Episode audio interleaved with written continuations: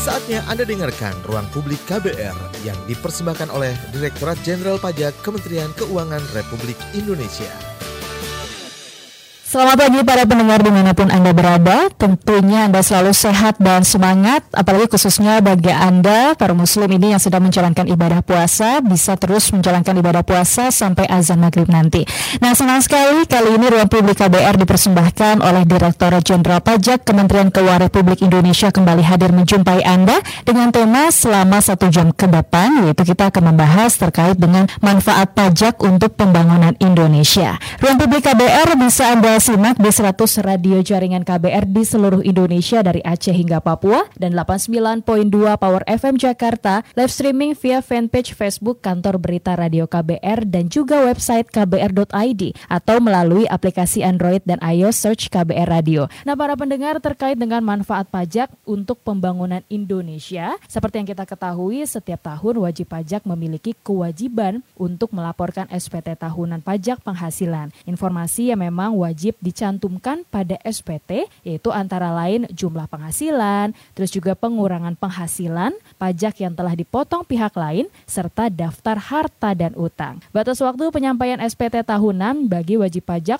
orang pribadi ini adalah setiap 31 Maret setiap tahun Sedangkan bagi wajib pajak badan perusahaan adalah 30 April setiap tahun. Namun mengapa ya masyarakat ini perlu melapor dan membayar pajak? Juga apa sebenarnya manfaat e, dari membayar pajak ini bagi warga masyarakat? Siapa saja yang harus melapor dan membayar pajak? Langsung saja kita akan membahasnya bersama dengan narasumber cantik yang tentunya sudah hadir nih setiap saya selalu hadir di kantor Direktur Jenderal Pajak yaitu sudah ada Kak Ani Natalia selaku Kasubdit Humas di Ditjen Pajak uh, Kementerian Keuangan Republik Indonesia. Selamat pagi Kak Ani. Selamat pagi Dina. Wah, kan semangat banget kan saya semakin semangat nih kalau ketemu Kak tentunya. Ani. Apalagi kalau kita mau bahas tentang tema kita yang selalu paling uh, apa ya membuat antusias masyarakat iya. yaitu manfaat pajak Betul. untuk pembangunan Indonesia. Hmm. Kak Ani ini kalau kita bahas manfaat pajak kan banyak sekali. Namun sebelum ke arah itu, hmm. kenapa sih Kak sebenarnya masyarakat ini wajib membayar pajak dan itu kayak selalu apa ya selalu digaungkan gitu setiap tahunnya wajib membayar pajak dan juga melapor SPT. Silahkan ya. Terima kasih Dina dan juga pendengar KBR di mana pun berada. Senang sekali nih kalau suruh bicara tentang apa tuh manfaat pajak. Kenapa sih kita harus bayar pajak? Hmm. Karena ternyata berdasarkan hasil survei, berdasarkan hasil riset, ini masih banyak sekali masyarakat Indonesia tidak tahu apa itu manfaat pajak. Hmm. Kalau dia nggak tahu apa manfaatnya, dia bayarnya juga mungkin jadi nggak mau. Terpaksa dia, mungkin uh, juga. Ya. Kalaupun ya? harus, hmm dia terpaksa banget karena dia nggak tahu manfaatnya dan kalau kita tidak tahu tidak kenal maka tak sayang gitu kan katanya nah sekarang kita ingin mengenali manfaat pajak ini ini sebenarnya adalah harusnya kita ketahui sejak kita masih dini sejak kita masih kecil itulah yang dilakukan Direktorat Jenderal Pajak sekarang untuk memasukkan pelajaran pajak atau pengertian pemahaman pajak dari masih SD SMP udah dikasih tahu gitu. Oh, kalau perlu ada kurikulum khusus pajak. Iya. Gitu, nah ya, sekarang ya? ini sudah bekerja sama kita sebutnya inklusi kesadaran pajak. Kita bekerja sama dengan Kemendikbud juga. Nah kenapa orang banyak yang tidak tahu ya mungkin karena tidak dikasih tahu sejak dari dulu. Oleh karena itu kita perlu menyosialisasikan terus tentang manfaat pajak ini. Jadi kalau ditanya apa sih manfaatnya pajak, sebenarnya lucu gitu kalau ditanya. Karena apa? Ketika dia berangkat ke kantor, tadi mm -hmm. kamu cerita ya, sudah ngelewatin jalan raya yeah. gitu ya. Gak usah susah-susah. Waktu mama kamu ingin melahirkan kamu, pergi ke rumah sakit, ada rumah sakitnya. Yeah. Uh, ya ada suster, ada, ada perawatnya, ada pelayanannya, fasilitas. ada fasilitasnya, hmm. ada jalan menuju ke rumah sakitnya, ada angkutan menuju ke rumah sakitnya. Itu semuanya kalau kita bisa uh, kalau kita mau jujur itu tidak gitu iya, ya, kan? tidak bisa terlepas dari pajak yang sudah dibayarkan oleh wajib pajak atau pembayar pajak di Indonesia. Contohnya lagi ketika kemudian kamu sudah lahir dibawa ke posyandu dikasih apa imunisasi. Di situ juga ada peran pajak ya kan? Kemudian kamu di sekolah lain di sekolah sekolah negeri. Pendidikan. Pendidikan. Itu juga dari pajak. Ketika kamu sudah lulus ya kan? Kamu naik kelas ya kamu sudah sudah bekerja sekarang ya kamu bayar pajak. Nah itu sebenarnya adalah sebuah siklus. Dengan kata lain pajak itu tidak bisa dilepaskan dari kita sebagai warga sebuah negara. Hmm. gitu. Karena negaranya kan harus ada. Nah sekarang kalau ada orang nanya lagi aku nggak nggak tahu manfaat pajak jalanan depan rumahku masih bolong gitu ya. Nah ini nih kita jangan berpikir untuk diri kita sendiri aja. Jadi kalau ditanya kenapa harus membayar pajak, Dina mungkin kita harus pikirkan karena itu adalah konsekuensi bernegara. Jadi kalau dibilang Indonesia manfaat pajak untuk pembangunan Indonesia seperti tema kita hari ini, pembangunannya nggak cuma pembangunan fisik seperti tadi kita sebut jalanan, jembatan, sekolah, kantor polisi dan yang lainnya. Jadi pembangunannya juga adalah pembangunan spiritual dan SDM, pembangunan sumber dayanya. Kenapa kita harus e, memberikan 20% dari APBN kita itu untuk pendidikan? Hmm. 400 triliun lebih untuk memastikan pendidikan jalan di Indonesia. So, jangan mikirnya cuma di Jakarta aja ya Dina. Jadi kita Justru bicara pelosok -pelosok iya dari Aceh ya sampai kan. Papua itu kan negara kita gitu. Nah sekolah-sekolahnya kan harus dibangun. Bisa dibayangkan kalau tidak ada sekolah, apa yang terjadi bagi masa depan Indonesia? Apa yang akan terjadi kalau kita tidak diberi edukasi? Nah pemerintah harus memastikan bahwa proses pembelajaran di Indonesia ini berjalan dengan baik. Hmm. Gedungnya ada, gurunya ada, bahan ajarnya ada. Nah ini kan dananya dari pajak yang kita bayarkan. Betul. Nah tapi Kak Ani masih mm -mm. banyak juga nih. Mungkin mm. uh, sekarang sudah semakin menurun gitu untuk orang-orang yang sebenarnya masih sepele, masih tidak tahu, masih menganggap uh, ribet banget sih gitu. Mm. Harus bayar pajak. Bagaimana sih untuk bisa mengubah pola pikir gitu mm. masyarakat mm. yang memang nampaknya masih susah banget yang namanya bayar pajak gitu. Padahal iya, kan sebenarnya benar. dari penghasilan mereka itu hanya sebagian mm -mm. persen saja gitu ya. Betul kan, sekali. Sebenarnya kalau ditanya kayak gitu dari zaman berdirinya zaman-zaman nenek moyang dulu juga kalau ya, ditanya soal ya. bayar pajak itu sulit gitu ya. Kalau kita bisa dengar cerita-cerita dari zaman dulu pun orang pajak itu pasti nggak disukain hmm. gitu ya. Nah ini mungkin karena beda dulu pajak itu kan untuk raja ya kan untuk membiayai raja sebenarnya membiayai pemerintah. Hmm. Nah sekarang nih sebenarnya dengan program atau pendidikan yang lebih baik kita bisa memahami bahwa sebuah negara itu seperti sebuah rumah tangga butuh dana untuk menjalankan rumah tangganya. Betul. Kalau kita eh, misalnya dalam rumah tangga ayah bekerja ibu bekerja juga sama-sama kumpulin dana untuk apa? Untuk pendidikan anak hmm. ya kan, untuk perbaikan rumah, untuk uh, asuransi gitu, untuk kesehatan uh, dan untuk konsumsi sehari-hari untuk makan makan, pakaian sama dengan negara untuk menciptakan rasa aman. Bisa dibayangin negara juga kan harus e, meng-hire TNI, Polri agar memberikan rasa aman kepada rakyatnya untuk bisa e, menjaga negaranya. Bisa dibayangkan negara kita ini negara kepulauan yang di mana-mana itu berbatasan juga dengan negara-negara lain. Di setiap perbatasan juga harus ada yang jaga, ya kan? Jangan sampai ada orang sembarangan masuk ke negara kita yeah. atau segala macam. Nah, itu kan juga harus ada dijaga. Siapa yang me, uh, memfasilitasi adanya TNI, adanya Polri, adanya intelijen dalam sebuah negara. Ya itu semuanya pasti dananya dari pajak. Nggak okay. mungkin kan mereka tidak iya. dibiayai. Iya. Apalagi gitu. kalau perkembangan negara Indonesia juga untuk apa ya membuka peluang bagi warga asing yang ingin berinvestasi atau juga iya. melakukan bisnis. Padahal itu bagus juga untuk perekonomian Indonesia. Betul. Gitu ya, nah kan, ya? ini sekarang hmm. kamu udah masuk ke fungsi pajak yang berikutnya. Hmm. Jadi kalau tadi fungsi pajak saya cerita untuk membiayai pembangunan, membiayai pendidikan, kesehatan kesehatan dan lain-lainnya itu namanya fungsi pajak,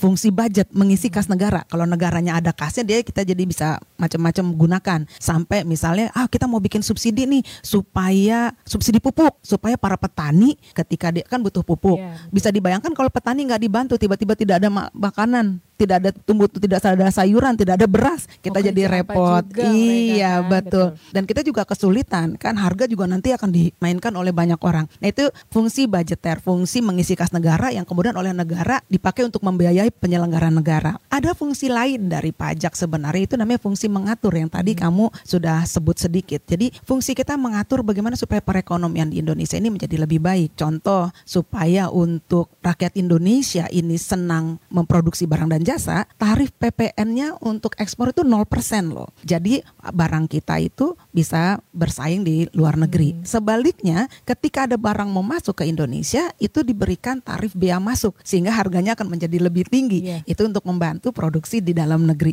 Nah, itu fungsi pajak namanya fungsi mengatur. Hmm. Mengatur supaya perekonomian kita ini uh, neraca perdagangan kita juga baik. Nah, lain lagi, balik lagi nih, ketika orang mau investasi ke Indonesia, kita kasih dia banyak insentif supaya dia mau investasi Indonesia menyerap tenaga kerja jadi perekonomian kita tumbuh. Baik. Demikian. Baik, Kak Ani sebelum kita membahas lebih lanjut lagi masih banyak sih ya uh, terkait dengan uh, definisi manfaat pajak itu untuk yeah. pembangunan Indonesia. Kita terima telepon terlebih dahulu. Okay. Sudah ada Pak Herman di Sintang. Halo, Halo selamat siang Pak Herman. Selamat siang. Iya, kalau pendapat saya kalau masalah di Indonesia memang cukup banyak ya. Masalah kesehatan, masalah pendidikan itu memang cukup banyak ya. Dan masalah yang lain-lain misalnya masalah kesehatan sumber daya manusia kalau di daerah-daerah terpencil kayak di tempat saya itu memang cukup miris Pak. Masalahnya kalau sudah hari hari besar maupun lebaran ataupun Natal itu tenaga medisnya tidak ada penggantinya Pak. Sekarang kemarin saya balik tenaga kampung, nah, balik ke kampung kemarin ada adik saya itu sakit berobatnya jauh benar sampai ke di kecamatan itu mau satu hari berangkatnya. Nah jadi saya mohon kepada pemerintah masalah sumber daya manusia harus ditingkatkan juga masalah guru, masalah tenaga tenaga kesehatan di daerah-daerah itu memang cukup kurang, Pak. Iya. Nah, masalahnya kalau iya. libur itu kalau misalnya bagi yang muslim ataupun non muslim kalau di hari besarnya masing-masing, keagamannya masing-masing itu tidak ada di tempat, Pak, masalahnya. Dan itu yang saya harapkan kepada pemerintah harus dicatat masing dan juga ini masalah bantuan misalnya kayak kartu Indonesia Pintar, kartu kesehatan ataupun BPJS itu kadang-kadang itu orang itu sudah mampu sudah berada gitu tidak di apa di data ulang lagi pak itu malahan selalu ada itu pak dapatnya nah, Baik. itu menurut saya harus Baik. data ulang lagi pak yang paling harus tepat sasaran menurut saya terima kasih Baik terima kasih atas tanggapannya dari Pak Herman di Sintang langsung ditanggapi Kak Ani ini sebenarnya yeah. um, apa ya salah satu warga yang selalu menyaksikan ruang publik KBR iya, gitu luar biasa dan salah satunya adalah terkait dengan uh, manfaat pajak gitu hmm. Kak dan uh, juga tadi menyampaikan banyak sekali seperti guru petugas uh, yang ada di rumah kesehatan. sakit hmm. itu nampaknya kurang sekali bagi Bagaimana tanggapannya Kak? Pak Herman di Sintang terima kasih untuk apa masukannya Pak. Kami sependapat sekali sama Pak Herman bahwa memang perlu bahwa kayak seperti bantuan Kartu Indonesia Pintar, Kartu Indonesia Sehat itu harus benar-benar tepat sasaran. Kami sependapat sekali kalau memang harus didata ulang kalau memang ada saya tidak tahu di Pemda Sintang ini apakah mereka ada saluran untuk menerima aspirasi masyarakat. Silakan dicari Pak. Saya rasa pemerintah daerah setempat akan sangat senang untuk mendengar keluhan dari masyarakat masyarakatnya atau dari masyarakat di Sintang. Jadi kalau seandainya memang satu tadi saya tangkap bahwa SDM untuk tenaga medis uh, dan apa masih sangat kurang di Sintang, mungkin ini perlu dibiarkan karena daerah masing-masing itu memiliki rencananya masing-masing dan ada anggaran dan belanjanya hmm. masing-masing. Kalau memang itu sudah masuk dalam perencanaan penganggaran mereka, itu harusnya sudah bisa ditelusuri gitu. Kami sangat senang kalau masyarakat benar-benar paham bahwa uh, untuk kemajuan suatu daerahnya mereka sudah membayar pajak dan itu harus memberikan feedback kepada pemerintah. Baik. Seperti ini saya senang sekali mendengarnya bahwa uh, sedih kalau mendengar di daerah-daerah terpencil masih kesulitan tenaga kesehatan, masih kurang guru. Nah ini kan berarti harus ditindaklanjuti. Ya. Tentu ada saluran-saluran yang bisa dipakai untuk menyampaikan aspirasi ini. Ya. Gitu. ini sebelum menanggapi sedikit tadi mm -hmm. ada juga bantuan yang mm -hmm. seharusnya didata ulang gitu ya. Kita ya. terima telepon kembali ini sudah ada Pak Nino di Manado. Halo Pak Nino. Halo selamat pagi. Nah, mau tanya sebenarnya eh, ini kan sudah pada uh, terima THR tuh. Uh, mm-hmm. Saya pengen tanya itu sebenarnya pajak potongan untuk THR itu sama dengan gaji atau beda? Soalnya yang melihat itu agak sedikit besar, lebih besar sebenarnya. Jadi nggak berasa sebenarnya THR-nya. Terima kasih, selamat pagi. Baik, terima kasih Pak Nino sudah bergabung bersama kami dari Manado. Kak Ani ditanggapi usai jeda. Kita harus jeda dulu sejenak, nampaknya Kak Ani sudah tergesa-gesa ingin menjawabnya.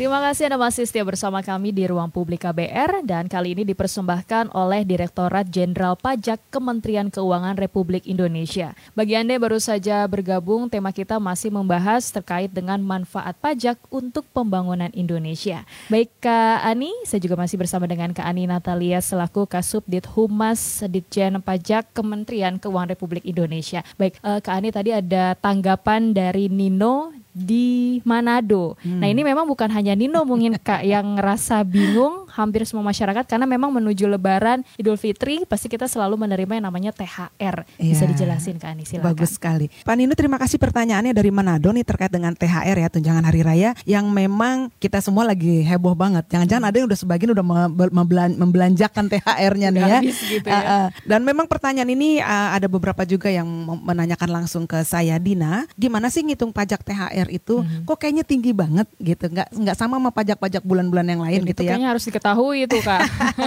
Termasuk Jadi, saya. eh, termasuk Dina. Baik, izinkan saya untuk menjelaskan secara singkat terlebih dahulu terhadap pajak atas tunjangan hari raya yang mungkin sekarang lagi kita mau terima semuanya ya. Kalau seandainya Pak Nino atau siapa pun dia adalah PNS, TNI atau Polri, nah ini pengenaan pajaknya bersifat final di mana kalau yang letnan 2 kalau nggak salah sama yang pangkat golongan 2 itu tidak dikenakan tapi yang golongan 3 itu 5%, yang golongan 4 final 15% dikenakan tarifnya untuk pemotongan THR. Itu sifatnya honorarium atau tunjangan yang diberikan dananya berasal dari APBN atau APBD eh, pengenaannya seperti itu. Namun bagi yang non PNS, non TNI, non Polri, maka penghitungan pajak THR itu seperti penghitungan eh, misalnya ketika dalam satu tahun semua pegawai itu udah dihitung dulu selama satu tahun penghasilannya berapa, Mhm. Nah, biaya jabatannya dikurangi biaya jabatan dan kurangi biaya PTKP. Kemudian dapatlah pajaknya yang kemudian dikalikan dibagikan 12. Jadi itu yang dipotong tiap bulan karena sudah dihitung dulu satu tahun baru kemudian eh, dipotongkan tiap bulan. Mhm. Nah, kalau cara ngitung pajak atas THR, begitu dihitung pajak kita sebelum THR masuk, udah ketemu, kemudian dihitung lagi ketika THR masuk. Begitu ketemu lagi THR masuk, kekurangannya itulah yang dibayarkan ketika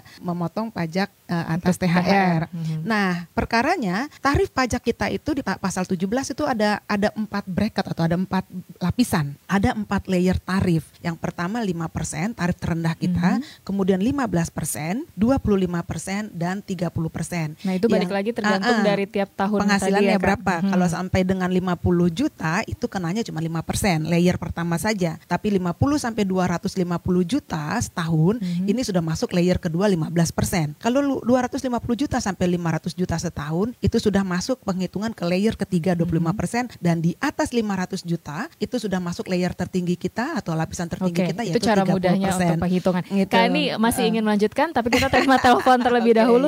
Mungkin sama juga pertanyaannya gitu ya Kak ya, tapi nggak tahu ini dari Pak Jupri di Sumatera Barat. Pak Halo, selamat Jupri. pagi Pak Jupri. Selamat pagi, Assalamualaikum. Yang saya tanyakan, Bu, pajak dari rakyat ini kan kita udah tahu untuk semuanya pemerintah dan semua pejabat. Cuman yang saya minta, janganlah dibuat masyarakat ini menangis dengan naik gas air mata kayak itu. Nah, nanti kalau kita pikirkan nanti sebelum hukuman Allah datang. Itu cuma itu aja, Bu. Baik, baik. Terima kasih Pak Jupri sudah bergabung bersama kami dari Sumatera Barat. Eh, sedikit ditanggapi, sekalian kita lanjutkan kembali. Kak. Baik, Mhm. terima kasih. Jadi tadi eh, sebentar ya Pak Jupri, saya pertama ke Pak Nino Manado Mhm. supaya saya bikin konklusinya. Jadi kemungkinan besar kenapa tarifnya eh, lebih tinggi dari bulan-bulan berikutnya karena memang cara menghitungnya pajak sebelum masuk THR, terus dihitung lagi dimasukin THR, selisihnya itu yang dipotongkan yang harus disetorkan Mhm. ketika kita menerima THR. Demikian dan mungkin sudah masuk ke layer-layer yang tadi saya sebutkan, layer pajak kita tadi. Eh, demikian semoga Pak Nino dan pendengar di KBR ini yang di ruang juga publik belum eh, sempat eh, bertanya gitu tapi eh, mendengarkan ruang publik KBR bisa paham tentang paham lebih pajak dikit. THR. Tapi sebenarnya eh, di kantor mereka masing-masing tuh diberikan pembelajaran itu juga nggak sih kak? Maksudnya untuk mereka bisa Iya. menyampaikan ke pegawainya masing-masing. Sebenarnya kalau informasi tentang ini bisa lihat di media sosial Hmm. juga sudah banyak di akun Ditjen Pajak RI. Kita bisa lihat bagaimana penghitungan pajak, manfaat pajak juga di website juga sudah ada. Atau Hmm. mau telepon ke 1500 200 juga akan dilayani apabila ingin tahu bagaimana penghitungan pajak atas tunjangan hari raya. Eh, dan juga sudah banyak sekali media yang menuliskan tentang hal ini. Yang kedua, saya ingin menyapa Pak Jupri di Sumatera Barat. Terima kasih sudah bergabung Bapak. Betul sekali pajak kita untuk kita Pak. Jadi apa pun yang kita bayarkan untuk penyelenggara negara karena kita Baik. satu negara Indonesia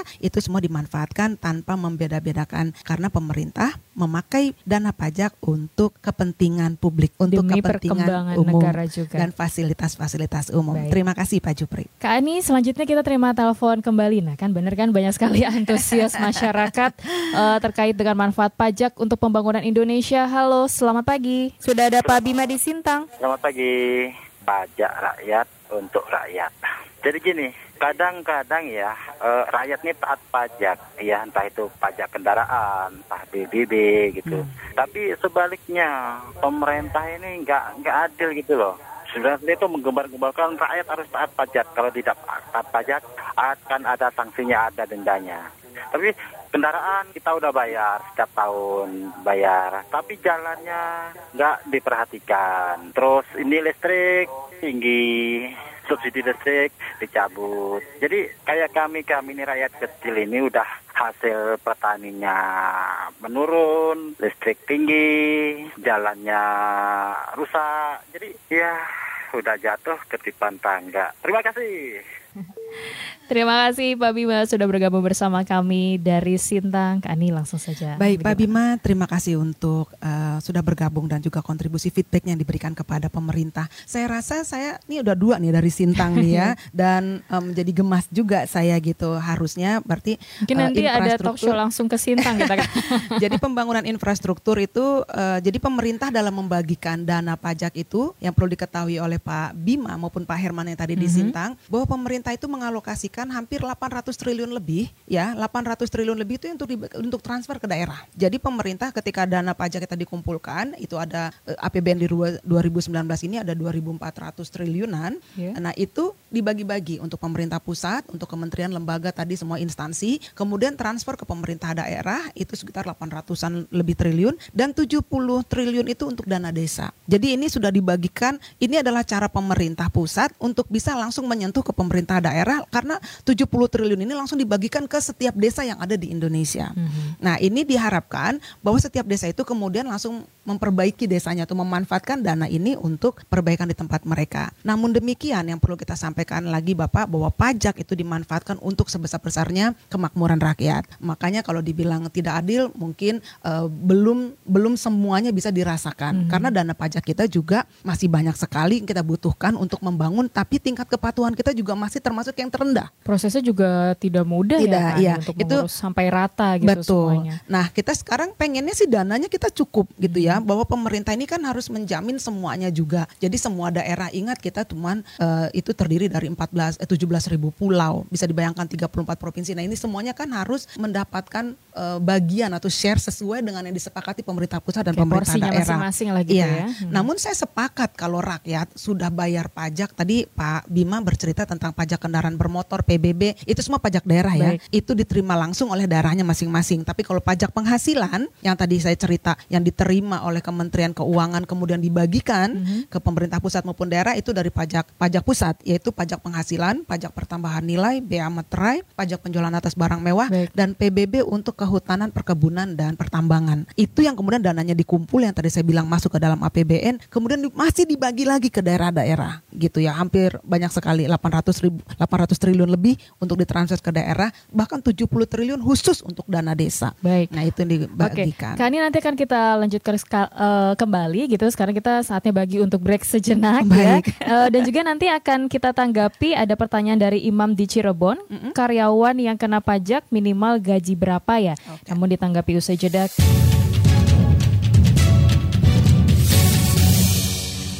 Anda kembali bersama kami di Ruang Publik KBR yang hmm. dipersembahkan oleh Direktorat Jenderal Pajak Kementerian Keuangan Republik Indonesia. Tema kita sampai pukul 10 waktu Indonesia Barat nanti masih membahas terkait dengan manfaat pajak untuk pembangunan Indonesia. Baik Kak Ani Natalia tadi sebelumnya sudah ada pertanyaan dari Imam di Cirebon, karyawan yang kena pajak minimal gaji berapa ya? Terus dilanjutkan Hendra di Buaran, gimana hitung-hitungan pajak untuk restoran Bu? Wah ini oh, kayaknya okay. uh, biasa makan di restoran ya, pengen tahu juga. Silahkan kali. Pertama terima kasih ya Mas Imam dan Mas Hendra. Mas Imam dari Cirebon nanya kalau karyawan nih berapa sih yang baru harus dia punya NPWP ya hmm. artinya. Nah perlu diketahui bahwa setiap kita warga negara Indonesia berdasarkan Undang-Undang Perpajakan Indonesia, pajak itu dikenakan atau orang disebut wajib pajak itu kalau dia sudah memenuhi kewajiban subjektif dan kewajiban objektif. Kewajiban subjeknya artinya orangnya ada, subjeknya. Nah sekarang dia ada, dia bekerja. Nah kewajiban objektifnya apa apakah dia mendapatkan penghasilan? Nah, kalau dia sudah dapatkan penghasilan, orangnya ada dan sekarang penghasilannya berapa? Nah, orang yang memiliki penghasilan kalau dia masih single, yang memiliki penghasilan di atas penghasilan tidak kena pajak. Jadi dia harus punya penghasilan di atas batasan dulu, di atas batasan penghasilan tidak kena pajak. Nah, PTKP di Indonesia penghasilan tidak kena pajak ya, Pak Imam, itu kalau dia masih sendiri, tidak ada tanggungan, itu kalau dia mendapat penghasilan empat setengah juta sebulan atau 54 juta setahun. Hmm. mereka kalau sudah di atas ini, kalau satu tahun sudah di atas 54 juta, baru dia daftar untuk bikin NPWP. Seperti itu ya Pak Imam. Sedangkan kalau untuk Mas Hendra di Buaran, nanya gimana sih ngitung pajak restoran? Mas Hendra, pajak restoran adalah pajak daerah. Itu pajak di kabupaten. Jadi bagaimana pengenaannya itu adalah uh, kewenangan pajak daerah, bukan di tempat Direktorat Jenderal Pajak. Kami mengelola pajak pusat, yaitu pajak penghasilan, PPN dan segala macam. Nah, memang kalau kita di restoran ini uh, ada pajak pembangunan satu itu namanya biasanya tarifnya 10% juga itu. Hmm, nah ini kita iya kalau gitu kita ya. lagi makan ke restoran ya, aduh lagi bulan puasa ngomong makan nih. apa-apa kan. Ketika kita lihat banyak memang yang nanya kok hmm. makan kena PPN juga 10% karena tarifnya sama-sama 10%. Tapi sebenarnya bukan, itu pajak restoran besarnya 10% dan itu uh, disetorkannya ke pajak eh, ke Dinas Pendapatan Daerah di daerah masing-masing. Demikian ya Pak Hendra ya. Terima kasih okay. pertanyaannya. Nah, Kak Ani uh, kembali lagi nih tadi kan kita uh, banyak sekali sudah membahas tentang manfaat pajak. Saya sebenarnya pengen tanya mengenai progres uh, yang sudah melapor SPT sih sebenarnya tapi ini kayaknya uh, lebih apa namanya ada pertanyaan lagi. yang pertanyaan hmm. lagi sudah ada penelpon selanjutnya. Ini ada Pak Angga di Depok. Selamat pagi Pak Angga. Selamat pagi. Untuk pertanyaannya, apakah fasilitas untuk penyandang disabilitas itu berdasarkan dari pajak apa bukan sih? Seperti sekolah, jalan dan lain sebagainya. Itu apakah dia berasal dari uang pajak apa bagaimana? Ya, terima kasih. Selamat pagi. Pak Angga, silahkan. Ini Pak Angga di Depok, juga, kan? terima kasih sekali atas pertanyaannya Bapak perhatian sekali bagi penyandang disabilitas. Hmm. Jadi kalau kita sekarang lihat uh, negara kita pemerintah itu juga selalu berlomba namanya pengaruh utamaan gender. Salah satunya adalah untuk bisa uh, kita juga membantu atau melihat tidak membedakan kepada saudara-saudara kita yang penyandang disabilitas. Bahkan sekarang di setiap kantor pemerintah itu harus dipastikan kita itu uh, ramah terhadap penyandang disabilitas. Mulai kayak tempat parkirnya dia, hmm. jalanannya, liftnya dan segala macam atau sampai ke toiletnya itu sudah diperhitungkan agar ramah kepada penyandang disabilitas. Bagaimana dengan dananya? Ya tentunya dana dari pemerintah Pak. Dana dari pemerintah dari mana? Dari pajak yang kita bayarkan. Meskipun demikian. Jadi ada anggaran tersendiri juga ya Kak ya? Ya untuk itu sudah dibagikan hmm. lagi. Jadi masing-masing sudah menganggarkan bagaimana untuk seperti sekarang kan banyak ya kita lihat ya. Contohnya kalau uh, kalau mungkin yang banyak kita lihat sekarang lampu merah pun ada bunyinya supaya penyandang disabilitas juga bisa tahu kapan jalan, kapan nggak boleh jalan. Iya juga. itu hmm. itu semuanya terus masih kita kembangkan. Namun saya uh, sepakat sama Pak Angga nih bahwa mungkin kita harus memberikan lebih banyak lagi perhatian kepada penyandang disabilitas. Sebenarnya sedang lagi berjalan Pak PUG atau pengaruh tataman gender yang salah satunya adalah untuk ramah kepada disabilitas ini terus dikembangkan di setiap kantor-kantor pemerintah. Bahkan kita ada penilaiannya juga ya. Kita bahkan ada penilaiannya setiap kantor seperti ada tempat untuk ibu menyusui itu juga termasuk dalam pengaruh pengaruh tataman gender. Nah, semua biaya untuk itu ya semuanya tentunya dari penganggaran yang sudah ditetapkan dan itu dananya dari pajak gitu. Okay. Terima kasih ya Pak Angga. Terima kasih Pak Angga. Nah ini uh, juga Kak Ani tadi uh, terkait dengan lapor SPT. Selain okay. kita wajib pajak kan juga harus lapor SPT gitu setiap iya, tahunnya uh, setiap tanggal 31 hmm. Maret gitu hmm. diakhiri uh, setiap tahunnya. Nah, misalnya seperti uh, apakah wajib pajak yang berstatus sebagai pegawai ini juga harus menyampaikan SPT Kak sedangkan pajak mereka kan sudah dipotong dan biasanya juga disetorkan oleh pemberi pajak mereka. Pemberi Namun lagi-lagi hmm. Kak Ani sebelum ditanggapi nih Kita terima telepon kembali. Halo, selamat pagi. Selamat pagi, saya mau nanya kalau untuk pajak ini bisa nggak sih untuk membantu membayar hutang negara ya? Apakah hanya untuk pembangunan-pembangunan saja gitu? Terus bisa juga kah untuk membangun rakyat yang tidak mampu? Maksudnya membantu rakyat yang tidak mampu, uh, seperti kayak uh, memberi bantuan tunai langsung seperti itu. Terima kasih. Terima kasih Ibu Dina di Bogor. Silahkan Kak Ani. Aduh semangat nih Kak Ani kalau ditanya kayak gini. Mbak Dina terima kasih dari Bogor nggak jauh nih dari sini. Apakah pajak juga untuk membayar hutang negara? Betul. Salah satu pos dalam APBN kita itu salah satunya adalah untuk membayar membiayai hutang negara. Juga untuk investasi negara. Juga untuk e, memberikan kayak bantuan beasiswa. Kita bisa lihat di anggaran pendidikan 492 triliun itu yang APBN kita kita anggarkan untuk pendidikan, salah satunya adalah untuk pemberian beasiswa kepada pelajar mahasiswa yang tidak mampu. mampu. Ya, itu dilakukan setiap tahun dan semakin besar jumlah yang diberikan. Karena memang kita sadar sekali nggak mungkin bisa Indonesia maju kalau tidak diisi oleh SDM-SDM atau rakyat Indonesia yang juga berpendidikan, hmm. yang juga paham, yang punya skill. Nah, itu yang dilakukan terus oleh pemerintah supaya warga negara Indonesia kita semua nih contohnya saya loh Dina, saya ini SD, SMP, SMA itu di sekolah negeri yang biayanya sangat murah. Ayah saya almarhum itu cuma supir bus, ibu saya pedagang di uh, pasar. Kami enam bersaudara sekolah kalau di swasta nggak sanggup waktu itu orang tua saya. Jadi kami sekolah negeri. Saya kuliah, saya masuk stan, gratis juga dibayarin oleh negara. Kemudian karena saya masuk stan, saya bekerja kepada pemerintah. Saya sampai S2 ke luar negeri pun beasiswa dari pemerintah. Jadi wow. kalau bisa dibilang hmm. saya adalah contoh orang yang tidak mampu disekolahkan oleh negara sampai saya S2 ke luar negeri. Tapi karena prestasi juga dari Kak Tentunya ya? karena ada ya harus berprestasi. Kalau hmm. enggak ya tidak bisa ya. Dan saya sangat bersyukur. Itu makanya saya sangat mencintai pekerjaan saya karena saya adalah orang yang uh, yang sudah dibiayai oleh seluruh rakyat Indonesia hmm. dari kecil untuk sekolah saya sampai saya sekolah ke luar negeri itu adalah uang pajak. Jadi saya berhutang pada bangsa ini, berhutang pada semua pembayar pajak yang sudah menyekolahkan saya dan saya adalah satu dari jutaan orang Indonesia yang sudah mengenyam dana beasiswa. Demikian. Oke, nah, ini Terima kasih ya Mbak Dina ya. Aduh, saya juga patut bangga sekali sudah bisa ngobrol sama Kak Adi dengan prestasi yang begitu banyak dan membanggakan yeah. sampai sekarang sudah benar-benar bisa menyampaikan uh, berbagi sosialisasi kepada masyarakat Betul gitu sekali. terkait dengan pajak hmm. dan kita terima telepon kembali. Aduh, banyak sekali loh Kak ini hari yang ini ya. telepon hari ini kayaknya tema kita menarik banget untuk dibahas di ruang publik di ya ruang memang, publik betul. ya pasti. Halo, selamat pagi. Sudah ada Pak Hanarudin di Samarinda. Silahkan Pak Hanarudin.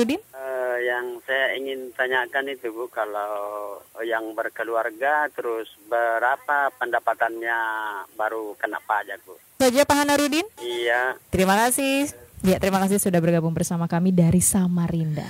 Kami Baik. Langsung ditanggapi. Uh, terima kasih ya Pak Hana Rudi yang sudah bertanya langsung berapa sih penghasilan tidak kena pajak. Tadi saya baru membahas memang yang baru single ya Pak Rudi ya. Hmm. Jadi memang kalau wajib pajak orang pribadi yang masih single dan tidak ada tanggungan itu PTKP-nya uh, 54 juta setahun Pak. Tapi kalau dia menikah ditambahkan lagi tambahan 4 juta 500. Dan kalau dia punya anggota keluarga, punya anak tanggungan, maksimal tiga ya Pak, itu ditambahkan lagi empat setengah juta seorang atau dikalikan tiga ya, jadi uh, dapat tambahannya lagi. Kalau istrinya kerja juga dan penghasilannya digabung dengan penghasilan suami, tambah lagi PTKP-nya 54 juta lagi Pak, seperti itu. Nah itu udah dijumlahkan semuanya. Kalau seorang itu memiliki, kalau dia ternyata adalah sudah menikah berarti 54 juta ditambah empat setengah juta hmm. gitu kalau tergantung dari kerja. penghasilannya juga ya iya. ya kan ya nah itu PTKP-nya hmm. itu untuk Pak Hanarudi jadi sekarang hitung aja Pak apakah saya eh, menikah istri tidak bekerja anaknya satu ya berarti 54 juta tambah empat setengah juta tambah empat setengah juta hmm. gitu ya kalau dia sudah menikah istrinya bekerja juga dan penghasilannya digabung uh, mereka belum punya anak berarti 54 tambah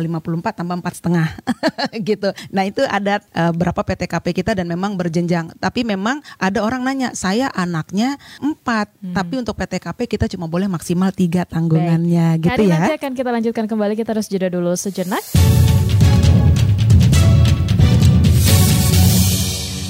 Inilah bagian akhir ruang publik KBR yang dipersembahkan oleh Direktorat Jenderal Pajak Kementerian Keuangan Republik Indonesia. Tema kita hingga pukul 10 waktu Indonesia Barat nanti masih membahas terkait dengan manfaat pajak untuk pembangunan Indonesia. Baik Kani, ini banyak sekali selain ada penelpon yang tadi sudah kita tanggapi sama-sama, iya, juga ada pertanyaan-pertanyaan via WhatsApp dan juga mm -hmm. Twitter. Ini seperti ada Ivan di Semarang. Apa yang akan terjadi kalau masyarakat tidak membayar pajak? Okay. Okay. Selanjutnya Arif di Aceh, kapan teks amnesti diadakan lagi, lagi Kak? Hmm, ini kayaknya menarik untuk bahas kuliah Kak ya. iya benar. Terima kasih Dina. Pak Ivan di Semarang, apa yang terjadi kalau uh, masyarakat, masyarakat tidak, bayar. tidak bayar pajak? Aduh Mas Ivan, terima kasih untuk pertanyaannya. Sekarang sama dengan pertanyaan apa yang terjadi kalau bapak dan ibunya tidak bekerja dalam satu rumah? Hmm. Apa yang terjadi kepada terjadi kepada anak-anaknya dan kepada rumah tangga tersebut? Kita balikan ke tempat yang paling kecil. Nah, bagaimana dengan kalau negara tidak memiliki dana? Bisa kita bayangkan kalau tidak ada pajak ya tidak ada pembiayaan. Artinya tidak ada kementerian, tidak ada lembaga, tidak ada ada polisi, tidak ada TNI, tidak ada sekolah, tidak ada guru-guru yang ha, yang harus kita hire semuanya harus dikerjakan oleh siapa? Negara ya tidak memiliki daya, ya kan?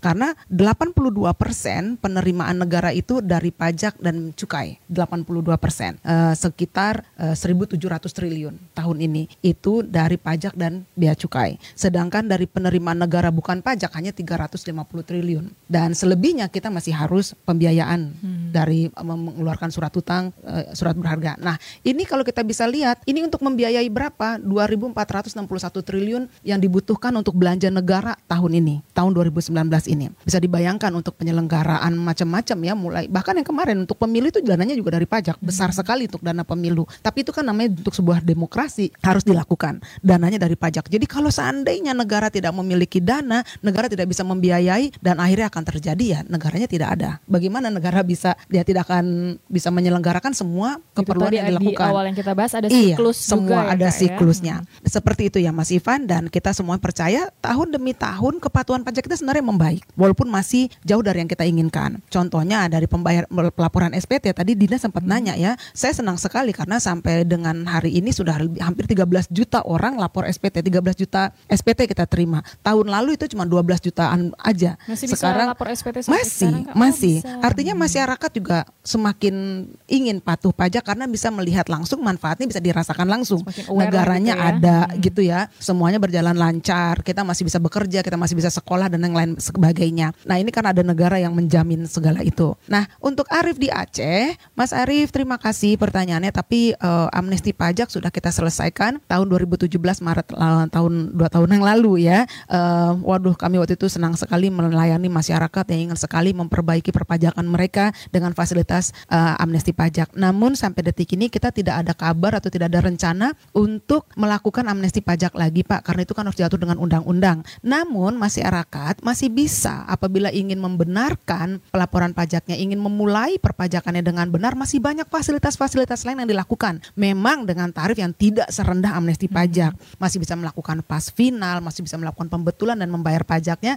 dan kita hidup tenang dan sudah berkontribusi kepada negara. Sekarang ini soalnya Mas Arief dan juga para pendengar, pajak itu menerima banyak sekali data yang langsung kami validasi untuk bisa mengecek kepatuhan perpajakan wajib pajak. Dan sekarang ini NPWP yang sudah ada di pajak itu yang sudah kita yang terregister ada 40 juta wajib pajak. Namun yang lapor SPT baru 13 juta. Walaupun yang kita harapkan yang lapor SPT itu 18 juta. Nah, Tapi ini yang masih kita semakin meningkat makin ya, meningkat ya? dari tahun ke tahun puji Tuhan. Nah, ini yang kita harapkan terus makanya kita lakukan sosialisasi seperti ini supaya lebih sadar pajak seperti itu. Baik. Nah, ini juga ada seruan lah bisa kita kata seperti itu dari Twitter yaitu August uh, rakyat suruh bayar pajak untuk membayar hutang negara yang begitu besar. Nah, mm. terus juga ada dari Sudi, pastinya bermanfaat sekali untuk pembangunan menuju Indonesia yang maju. Amin. Nah, selanjutnya mm. juga dari Dada di Bandung, perlu sosialisasi dari Ditjen Pajak mm biar masyarakat semakin aware dengan kewajiban bayar pajak. Betul, Wah, ini ternyata betul. banyak sekali hal-hal positif juga sebenarnya yang dihadirkan iya, gitu ya Kak dengan betul. kita membayar pajak.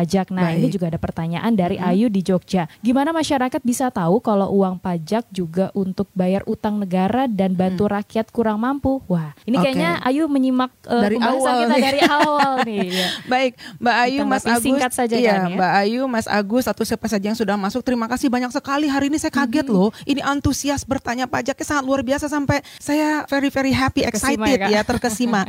Baik, uh, apabila ingin mengetahui ke mana saja uang pajak ini bisa Bapak Ibu lihat di laporan keuangan pemerintah hmm. yang sudah diaudit itu di BPK itu langsung bisa di bisa buka internet kan, lihat di situ ada laporan keuangan yang bahkan yang sudah valid resmi uang kita itu dipakai udah diaudit oleh BPK. Hmm. Itu silakan dilihat ya di situsnya. Kemudian mau lihat dulu baca-baca di situs Kementerian Keuangan juga ada APBN 2019, APBN 2018. Kenapa uang pajak buat apa uang pajak juga semua ada di situ. Di website pajak juga silakan. Silakan mencari tahu semuanya. Saya Baik. senang sekali anak-anak muda yang kritis supaya dia tahu uang pajaknya untuk apa dan dia jadi membela negaranya. Ingat ya, pembelaan membela negara itu cuma bukan cuma angkat senjata, mm-hmm. tapi juga dengan membayar pajak. Oke. Okay. Okay. uh, terakhir mungkin ada website kalau seandainya ada mm. pertanyaan mm. ini WhatsApp yang sebenarnya belum bisa ditanggapi oleh mm-hmm. Kani, mungkin yeah. mereka bisa mengadukan uh, berbagai keluhan atau okay. kritik dan saran disampaikan ke website atau sosial media apa. Baik, silakan boleh juga di sosial media akun Twitter, Instagram, Facebook itu ada at Ditjen Pajak RI, silakan. Kalau pertanyaannya teknis bisa ke Kring Pajak 15200 telepon atau bisa juga di Twitter at Kring Pajak. Itu silakan bertanya apabila teknis perpajakan. Ingin in- mendapatkan informasi tentang manfaat pajak silakan buka di website www.pajak.go.id atau bisa juga ke www.kemenq.go.id juga ada situs resmi banyak sekali informasi di eh, di BPP di BPKRI juga ada tentang bagaimana laporan keuangan pemerintah yang sudah diaudit dan ketahuan ke mana uangnya. Setiap tahun uang itu dibelanjakan untuk apa aja sampai detilnya ada. Sampai berapa untuk beasiswa berapa untuk pengobatan berapa kabupaten yang dilakukan untuk eh, malaria. Seperti itu itu eh, sudah ada semuanya laporannya. Silahkan disimak. Saya senang sekali generasi Indonesia yang cerdas peduli care bagaimana negara mengelola yang ingin keuangannya tahu yang ingin Hmm. eh, apa ya tidak ada pertanyaan-pertanyaan gitu kepada teman-temannya bisa langsung saja Bisa. buka tadi websitenya di pajak.go.id dan juga melalui telepon di 1 500 200 atau akun sosial media sekarang ini kan kita banyak silahkan ke akun resmi Direktorat Jenderal Pajak at Ditjen Pajak RI di Twitter, Facebook maupun Instagram. Oke, jadi jangan khawatir para pendengar Anda masih punya kesempatan jika Terima ingin kasih. eh, Iya. bertanya-bertanya lagi terkait dengan manfaat pajak untuk pembangunan Indonesia. Terima kasih Kak Ani Terima selaku kasih. Kasubdit Humas Dijen eh, ke Dijen Pajak Kementerian Keuangan Republik Indonesia. Aduh karena kayaknya waktu kita sangat terbatas. Jadi saya juga harus terbatas ini ngomongnya. Akhiri kita akhiri persembahan Ruang Publik KBR yaitu Direktorat Jenderal Pajak Kementerian Keuangan Republik Indonesia. Terima kasih atas kebersamaan Anda. Saya Suara Madina undur diri. Salam. Baru saja Anda dengarkan Ruang Publik KBR yang dipersembahkan oleh Direktorat Jenderal Pajak Kementerian Keuangan Republik Indonesia.